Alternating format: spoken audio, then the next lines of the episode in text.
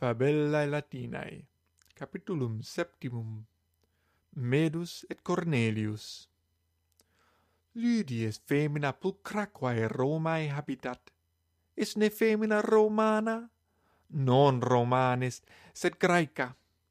Lydia autem procula Graecia habitat, is ne sola, Lydia sola habitat, neque soles Romae, nam multas amicas Romanas et Graecas habet. Eti amicum habet Lydia, nequis Romanus est, sed Graecus, neque Romae habitat, sed propopidum Tuscurum. Amicus Lydies Medus, serus Iuli. Lydia med amat et abe amatur. Est ne Medus apud Dominum sum? non est in villa put dominu, neque tuscul est, sed in via latin inter Rome et tusculum. Quid medus sine domino suo? Romit. Post est tusculum, Roma ante est.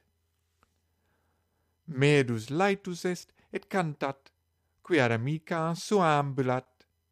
Sed iam tacet medus, curiam non cantat servus, merus tacet neque cantat, quia videt dominum Romanum, quae coebitur Roma tuscurum. Quis est dominus quem videt medus? Es Cornelius, qui tusculi habitat. Isa medo timetur, quia Iuli est amicus. Cornelius, ad ecum sum, ecce servus qui solus Roma ambulat, Quius is est servus? Is ne servus Iuli? Is est. Verba Corneli ab equotantum non amedo adiuntur. Ian Cornelius prope medest, nequab eo salutator. Neque servum salutat Cornelius, sed interrogat, Quis est Dominus tuus serve? Est ne Iulius? Medus, quamicum Iuli timet, nullum verbum respondet, et Roma d'amica suam ambulat. Iam Cornelius post medu est, nequem rursus interrogat.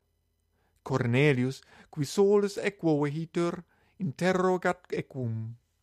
Cur servus me non salutat, sed tacet neque respondet. Equus verba Domini audit, neque verbum respondet, sed tantum hihihi necus verba non habet. Ecce medus per porta capena Rom intrat et laetus ad ostiam ludi ambulat medus ostium pulsat et intrat. Lydia laet amicum sum salutat et ab amico suo salutatur.